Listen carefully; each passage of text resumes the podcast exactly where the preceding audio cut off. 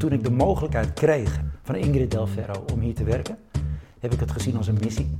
Om mensen ook te gaan vertellen van ja, uh, wat ik aan die techniek heb gehad, ik wil dat jullie dat ook gaan hebben. Ik kom helemaal van het stotteren af, want het is compleet niet nodig om het probleem te hebben. In deze derde aflevering van de Del Ferro podcast hoor je de docenten van het instituut en waarom ze hun werk zo graag doen. Laten we beginnen met Ingrid, die al 30 jaar aan het roer staat van het instituut op de Amsterdamse Apollo-laan. Ik ben Ingrid Del Ferro, directeur van het Del Ferro Instituut en de Breathing Academy. De missie van het bedrijf. Nou, de missie is dat men wereldwijd weet dat stotteren niet geaccepteerd hoeft te worden. Dat je er niet mee hoeft te leren leven.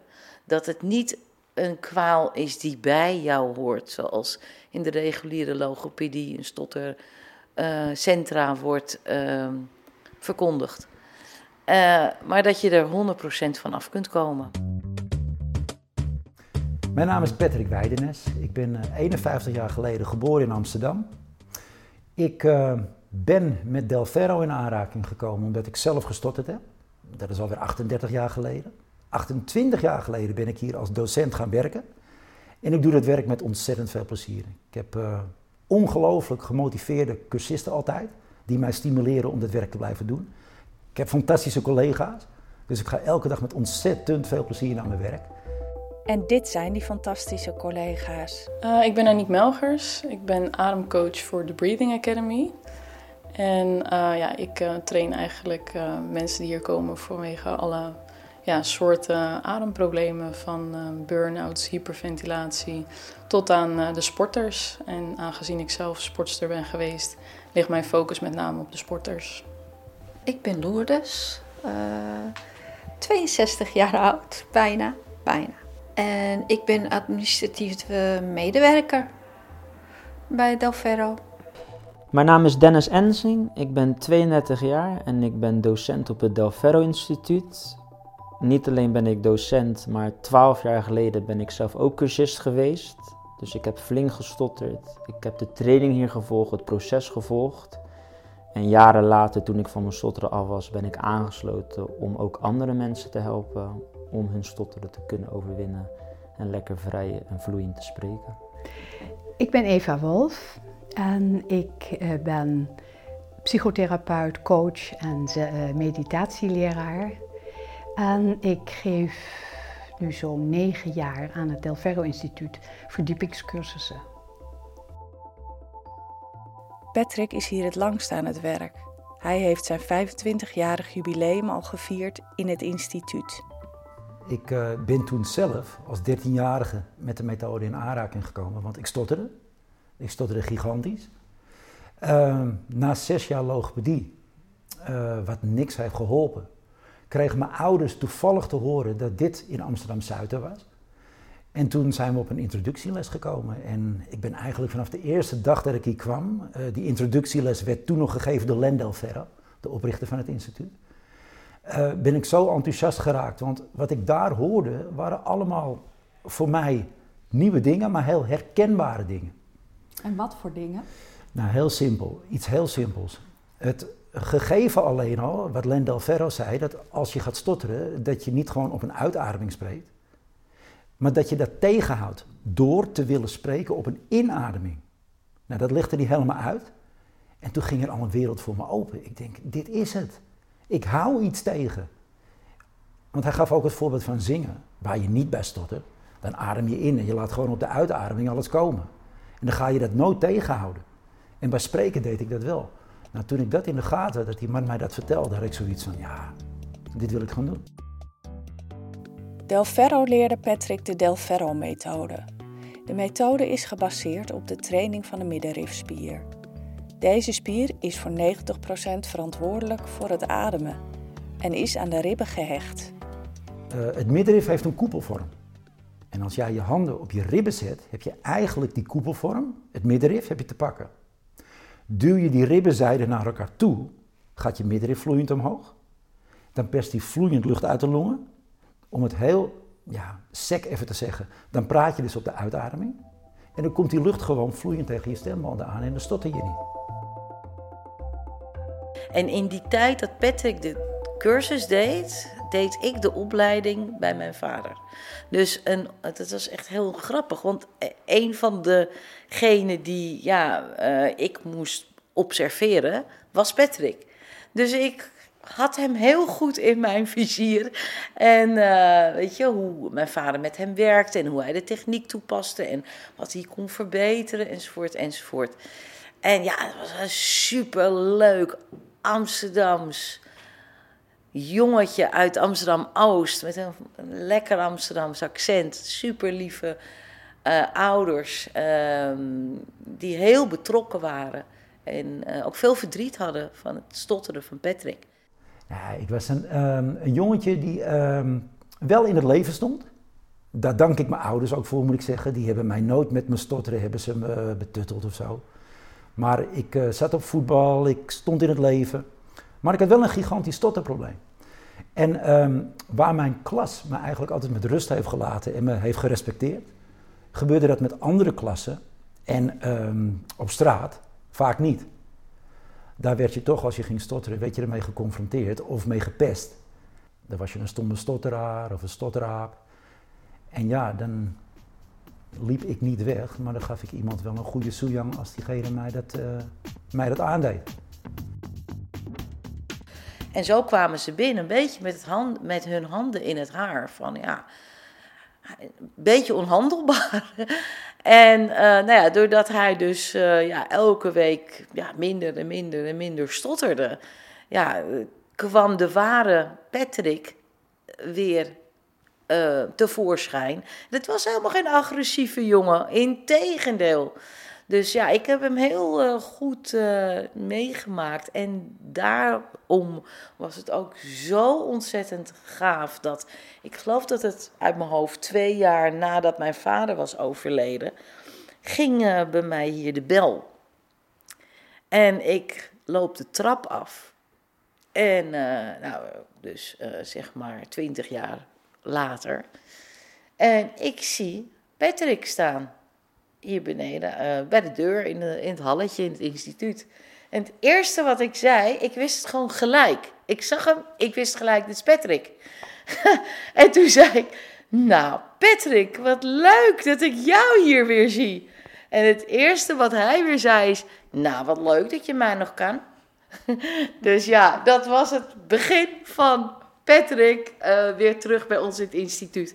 En toen zei hij, uh, met dat prachtige Amsterdamse accent van ja, weet je, ik uh, stotter al zo lang niet meer. En ik heb mijn uh, middelbare school afgemaakt. Ik, ik, heb verschillende banen gehad. Maar ik wil zo graag andere mensen leren om ook van het stotteren af te komen. Want ja, mooier iets dan dat bestaat er niet voor mij. Ik heb een opleiding bij Ingrid Del Ferro gehad in het begin. En nou, daar dank ik Ingrid dan weer voor. Die heeft mij eigenlijk een carte blanche gegeven van uh, jij bent de ervaringsdeskundige. Jij weet wat stotteren is, je weet wat de Del Ferro-methode is, je hebt er ervaring mee met beide. Ga thema's creëren die ik niet kan geven met mijn ervaring, die weer een, ja, een, een verrijking van de Del Ferro-methode op zich gaan worden. Ja, en daar ben ik ingesprongen. Dat, uh... Toen haar vader Len overleed, was Ingrid 24. Ze wist niet waar ze aan begon maar twijfelde geen moment. Zij ging het werk van haar vader voortzetten. En hij is ook heel plotseling overleden. Dus uh, mijn moeder die had zoiets van, nou ja, we stoppen ermee, want de motor is weg, zeg maar. En ik had zoiets van, ja, maar je kan niet al die mensen in de kou laten staan. Die kunnen eindelijk van hun stotter afkomen. En, dan... en daarbij komt, ik heb jarenlang nu uh, hè, met mijn vader gewerkt. Dus ik denk dat ik dat wel kan. Het was voorpagina nieuws.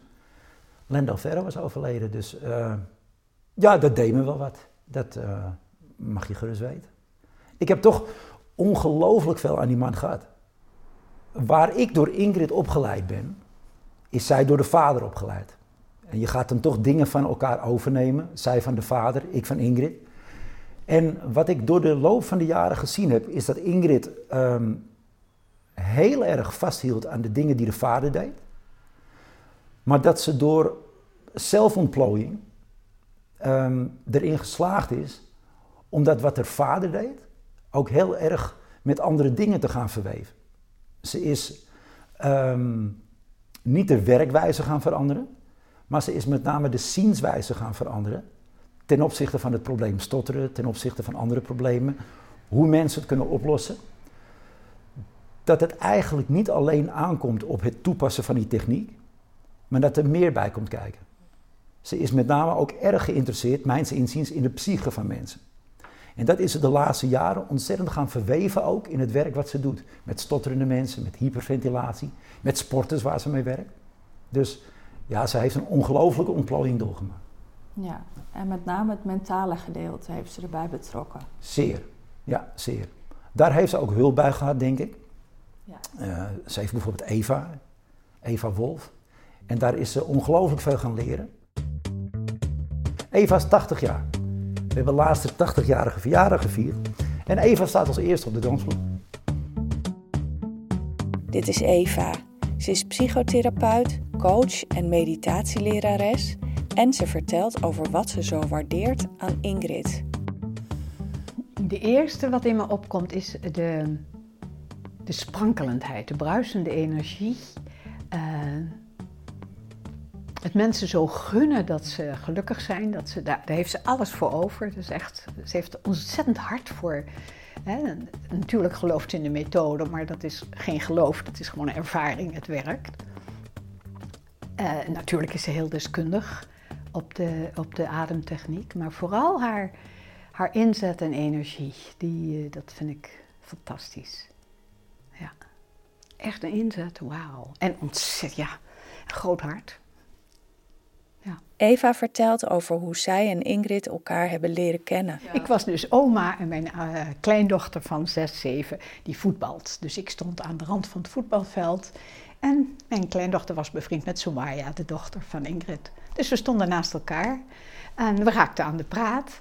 En en wisselde uit. En zij vertelde iets over stot. Had ik nooit mee te maken gehad. En ik vertelde mijn werk. En ze zei, hoe doe je dat dan? Ik zei, nou, ik ben heel praktisch. Ik begin, ik ben ook meditatielerares, leraar. Dus ik begin altijd met mensen hoe ze ademen, hoe ze zijn. Ik begin vooral fysiek. Nou ja, toen had Ingrid iets van, dat is precies het soort verdieping wat wij willen hebben. Want we bieden wel de techniek aan, maar er zijn ook mensen die tegen emotionele en mentale blokkades oplopen.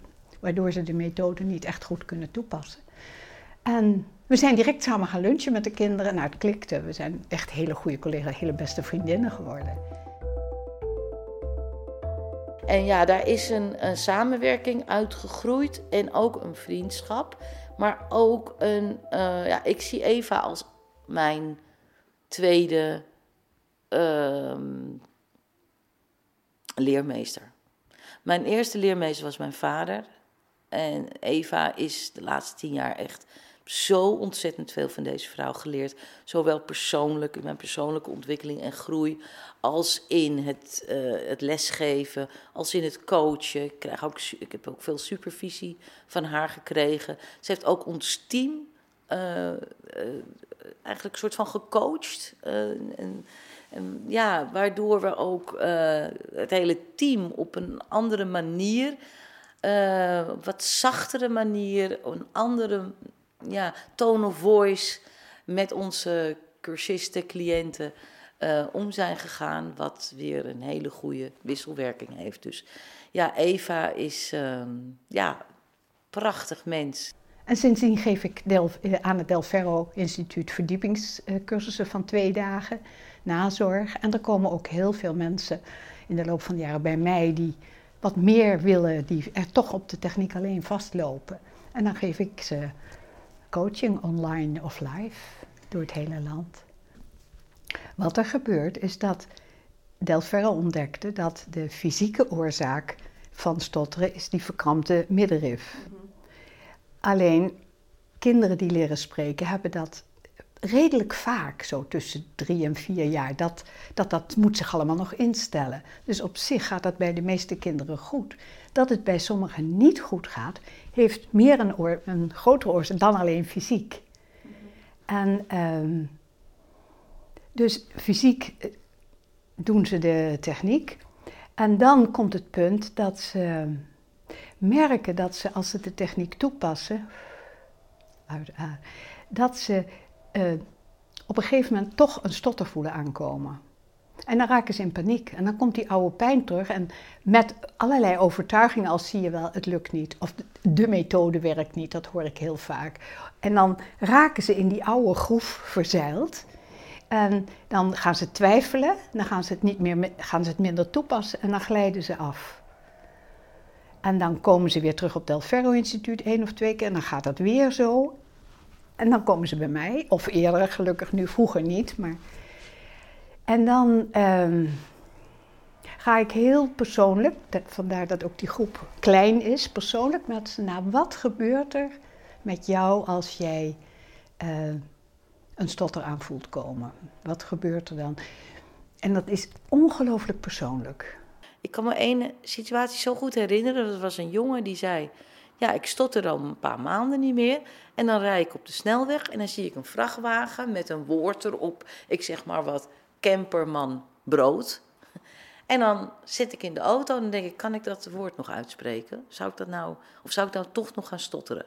Dus die stotterangst en die onzekerheid zit er dan nog. Nou, en dan uh, gaat, uh, gaat hij bij Eva de verdiepingscursus doen. Maar ook mensen die bijvoorbeeld veel te streng voor zichzelf zijn. Of een, toch nog een te laag zelfbeeld hebben. Andere mensen te belangrijk maken.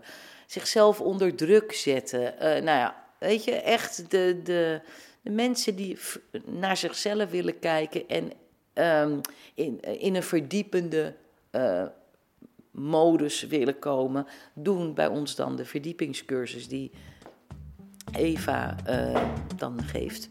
Ik ben net een week met haar naar Corfu gegaan. Lekker de vakantie en uh, een soort van uitwisseling. En ja, bijzondere vrouw. De kracht van Ingrid is ja, het eerste wat mij naar binnen schiet als ik nu voor dit jubileum is het woordje respect. Kijk, als jij op zo'n relatief jonge leeftijd een instituut moet overnemen uit het niets en het dan ook al 30 jaar succesvol doet, ja, dan is het ene woordje wat ik zeg respect. Je hoort Dennis, ook een van de docenten bij het Del Ferro Instituut. Net als Patrick was ook hij eerst cursist. Hij stotterde en wilde daar graag van afkomen. Bij Patrick leerde hij meer dan alleen de techniek. Wat Patrick, denk ik persoonlijk, tegen mij zei, of tegen de groep, maar het kwam echt, ik herinner me als persoonlijk naar mij. Hij zei: Dennis, je kent me onderhand wel. Ik ben zeker niet de domste op aarde, ik ben zeker niet de slimste. Als ik het kan, kan jij het ook. Als ik van mijn stotteren af kan komen, ja, dan kan jij het ook. En dat heb ik altijd in mijn hoofd gehouden. Van ja, je kan van een stotter afkomen. Er is tenminste één voorbeeld ervan. Dus als hij het kan, kan ik het ook. En nu, als ik het kan, dan kunnen anderen het ook. Zeg jij dat nu ook tegen jouw uh, cursisten? Ja. Ik ben nu ook docent bij het instituut sinds een paar jaar. Uh, puur om ja, wat ik heb ervaren ook aan hen door te geven. Vanuit mijn ervaringen als cursist en als docent. Uh, ik zeg altijd, ja, ik zit hier omdat ik weet hoe het moet. Maar ik vind ook vooral dat ik hier zit omdat ik weet hoe het niet moet. Wat ik wel heb gedaan, wat ik niet heb gedaan, wat mij heeft geholpen en wat niet heeft geholpen, dat probeer ik door te geven en men daarop te voorbereiden dat ze niet tegen diezelfde steen hoeven aan te lopen. Dus je bent als uh, ervaringsdeskundige, uh, ja, weet je gewoon heel veel. Ben je docent geworden? Ja. Mm, wat voor studie heb je gedaan? Ik heb logistiek en economie gedaan, wat vroeger trouwens onmogelijk was om uit te spreken. Ik maakte er economie en logistiek van, want die L was moeilijk. En toen dacht ik, wat wil ik voor de rest van mijn leven doen? Hoe kan ik van toegevoegde waarde zijn in deze samenleving? Nou, mijn broer was een inspiratiebron voor mij, die is geschiedenisdocent, een van de beste sprekers die ik ken. En die gooit echt passie in zijn werk. Dus bij geschiedenis vind ik, de leraar maakt of breekt het vak. En mijn broer die maakte het wel altijd zijn verhalen. Dus ik denk van ja, dat vind ik wel heel mooi. Dus denk van ja, als ik zoiets kan doen vanuit mijn ervaring, anderen helpen. Als je mij 15 jaar geleden had gevraagd van ja, of gezegd ja Dennis, jij wordt docent om mensen te helpen van de stotter af te komen. Nou, had ik je voor gek verklaard. En ja, Dennis is een fantastische docent. Um, en hij is niet alleen docent bij mij. Hij is ook wel een beetje mijn rechterhand. Ehm, dus ik heb uh, ja, veel bewondering ook voor Dennis. Zijn logistieke uh, ja, kwaliteiten kan hij hier ook heel goed uh, gebruiken. zeker bij mij, want bij mij hapert dat nog wel, wel eens een beetje. Dus hij is heel goed in organiseren en regelen. En ja, het is een, ik, ja, ik ben ontzettend blij met hem in ons team. Kijk, praat is voor bijna iedereen vanzelfsprekend. En voor mij was dat niet het geval. Dus eigenlijk kan ik nu iets wat ik meer waardeer dan 90% van de mensen. Want die hebben het altijd gekund. Dus ik geniet van telefoontjes, ik geniet van iets bestellen. Ik heb gisteren een informatiegesprek gegeven in het Spaans. Nou ja, geen seconde twijfel of het kon. Dus ik heb Spaans geleerd en dat ik nu alles wist, ben ik toch trots dat ik allereerst dat vloeiend kan en ook nog in het Spaans. Dat zijn toch overwinningen in het leven dat ik weet, ja, vroeger had ik dit niet gekund. Kijk, ik ben ervaringsdeskundige. Had je mij gevraagd docent te worden zo lang geleden, ja, had ik je voor gek verklaard. Om met mensen van stotter af te komen, had ik je dubbel voor gek verklaard. Maar juist mensen die het hebben ervaren, ja, die weten waar ze het over hebben. Die weten hoe het is om te stotteren, om Del Ferro-cursist te zijn. En ik weet als geen ander hoe het is om er helemaal vanaf te komen. Ingrid vertelde net over haar missie om mensen van het stotteren af te helpen. Maar ze heeft nog een missie. En bij de Breathing Academy is de missie een beetje hetzelfde, alleen dan op het gebied van uh, ademhaling. Dat, dat men de mogelijkheid en de kans moet hebben om te leren hoe adem je nou efficiënt en hoe voel je daardoor ook het, ja, het meest optimale door. Ja, Ingrid geeft de trainingen vol passie en is echt bezig om. Dit is Aniek, ook ooit cursist en nu ademcoach bij de Breathing Academy, een onderdeel van het Delferro Instituut. Ja, is echt bezig om, uh, ja, om uh, het beste uit, uh, ja, uit onze klanten te halen. En zorgen dat zij van hun problemen afkomen of juist ja, op een prettigere manier in hun leven kunnen staan door vrijheid te kunnen ademen. Aniek was 15 toen ze hier kwam. Ze was fulltime en professioneel tennisser en ze had last van hyperventilatie op de baan. Ik kreeg geen zuurstof meer, ik kreeg echt geen lucht meer. Gewoon, ik, werd echt alsof mijn keel werd dichtgeknepen, dat ik echt dacht, help. Bij mij was het een zware trainingen, dus bijvoorbeeld op de hardloopband. Dat is het moment wat mij het meest bijblijft. Dat ehm, ik die training ging doen en dat ik een soort van error kreeg. Dus ik kreeg geen lucht meer, ik liep helemaal rood aan. Uh, ik kon niet meer praten, dus ik kon ook niet tegen mijn trainer zeggen van help, uh, dit gaat niet goed. En uiteindelijk, echt op het moment dat ik het gevoel had dat ik kon gaan flauwvallen of dat ik echt niet wist wat er zou gaan gebeuren, stopte ik. En had ik ook wel een periode of een aantal minuten nodig dat dat weer herstelde. Dan stopte je met training? Ja, dan moest ik echt de training stoppen. En um, nou, wat het gevolg daarvan was, is dat ik ook een beetje angst kreeg voor bepaalde soort type trainingen, omdat ik bang was dat dat weer zou kunnen gebeuren. Maar wat dacht je dat dat was? Nou, we hebben onderzoek laten doen, want in eerste instantie wisten mensen niet dat het hyperventilatie was. En toen kwamen ze met inspanningsastma. Dus toen heb ik ook aan de medicatie uh, voor astma gezeten. Dus dan nam ik voor trainingen vaak een puffje en dan uh, in de hoop dat dat uh, zou werken. Maar dat werkte dus ook niet. En tot een training, ook weer met hardlopen, uh, mijn fysieke trainer zei: Ik denk dat het iets anders is. En die raadde mij toen uh, de Breathing Academy aan. En toen ben ik de training gaan volgen. En eigenlijk bij mij was het dan na één training al uh, dat ik nooit meer zo'n hyperventilatieaanval heb gehad. Ze hadden eigenlijk een verkeerde uh, ziektebeeld bij haar bedacht. Namelijk, ze dachten dat ze inspanningsastma had. En uh, dat is eigenlijk helemaal uh, ja, verkeerd uh, geconstateerd, want het bleek gelukkig hyperventilatie te zijn. Dus ja, wij hebben eigenlijk altijd contact gehouden in die zin dat Aniek zag mij als haar mental coach. Dus als zij aan het reizen was of in Duitsland aan het tennissen was en ze had het een beetje moeilijk op mentaal gebied, dan hadden wij vooral ook online contact. Totdat zij een paar jaar geleden weer uh, zei van, nou, het was eigenlijk na de coronacrisis van, joh, welke kant zal ik nu opgaan? Ik zit een beetje te dubben. En eh, uiteindelijk kwam daaruit dat ze ontzettend graag uh, ademcoach bij de Breathing Academy wilde worden. Ook een ervaringsdeskundige.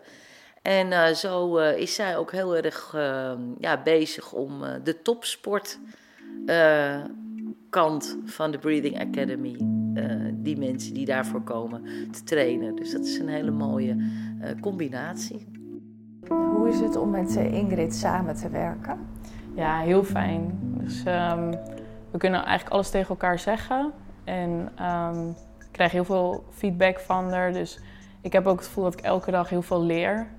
En um, ja, ik vind dit echt een heel mooi team om, uh, om mee samen te werken. Ook met de stotterkant die we hebben. Het zijn allemaal uh, nou, hele positieve en ja, leergierige mensen. Dus ik heb het gevoel dat we elkaar ook allemaal echt, uh, echt beter maken ja, de cursist, de mensen die stotteren, staan op één. En daardoor werken ze goed samen, want ja, dat motiveert als het gewoon lekker gaat met de cursisten. Daar krijgen wij een kick van. En daarom, dit is hard werken hoor. Heel de dag uh, praten, met mensen werken. Je bent kapot, maar de energie die je geeft, die krijg je ook terug. En dat zorgt ervoor dat heel het team hard werkt. Het is een klein team, het is een knus team. Die samenwerking is heel prettig in zo'n klein team. Wat ik ontzettend waardeer aan Ingrid is de gedrevenheid en dat dat uitstraalt op de werknemers die ze heeft. En ook op de mensen die ze lesgeeft. Dat gaat met een ongelooflijke passie. Dat heb ik eh, nooit zien verdwijnen bij de. En dat vind ik ongelooflijk mooi. Verder wil ik er eigenlijk op deze plaats bedanken voor het feit dat ze het werk van de vader voortgezet heeft. Want ze heeft daarmee duizenden mensen ondertussen um, een leven gegeven, wat zonder dat zij de boel hier draaiende had gehouden, nooit mogelijk was geweest. Mensen zijn door haar bepaalde dromen gaan waarmaken, want ze werden niet meer tegengehouden door het spreken. En uh, ze is voor, nou ik denk die duizenden mensen, is een verrijking geweest in het leven. Dus daar dank ik Ingrid voor dat ze dat de afgelopen 30 jaar uh, doet. Dus eigenlijk zijn al jouw eh, trainers aankomen lopen. Ja, het is wel grappig dat je dat zegt. Dat klopt, ja. Ze zijn allemaal aankomen lopen uit enthousiasme, uit blijdschap, uit uh, dat ze zelf van hun klachten verlost zijn. In de volgende aflevering van de Del Ferro podcast hoor je Hans. Hij krabbelt op na een hevige burn-out. Nou, een tijd terug zat ik hier en zei ik mijn vrouw, ik word helemaal niet lekker joh. Weet je, dan voelde ik me helemaal zo, zo net of ik flauw ging vallen. Nou ja, want dan ga je er ook nog aan denken. Van, oh jee, dit. En oh, dan gaat het weer tinteling. Oh, ik voel kramp hier. En, en dan, op een gegeven moment zegt het lichaam stop. Ho, die geeft allemaal signalen dat je niet meer kan. Maar ja, als je dan hoort dat later dat het allemaal stressgerelateerd is geweest, dan denk je, ja jongens, waar, waar ben ik mee bezig? Weet je, kappen nu.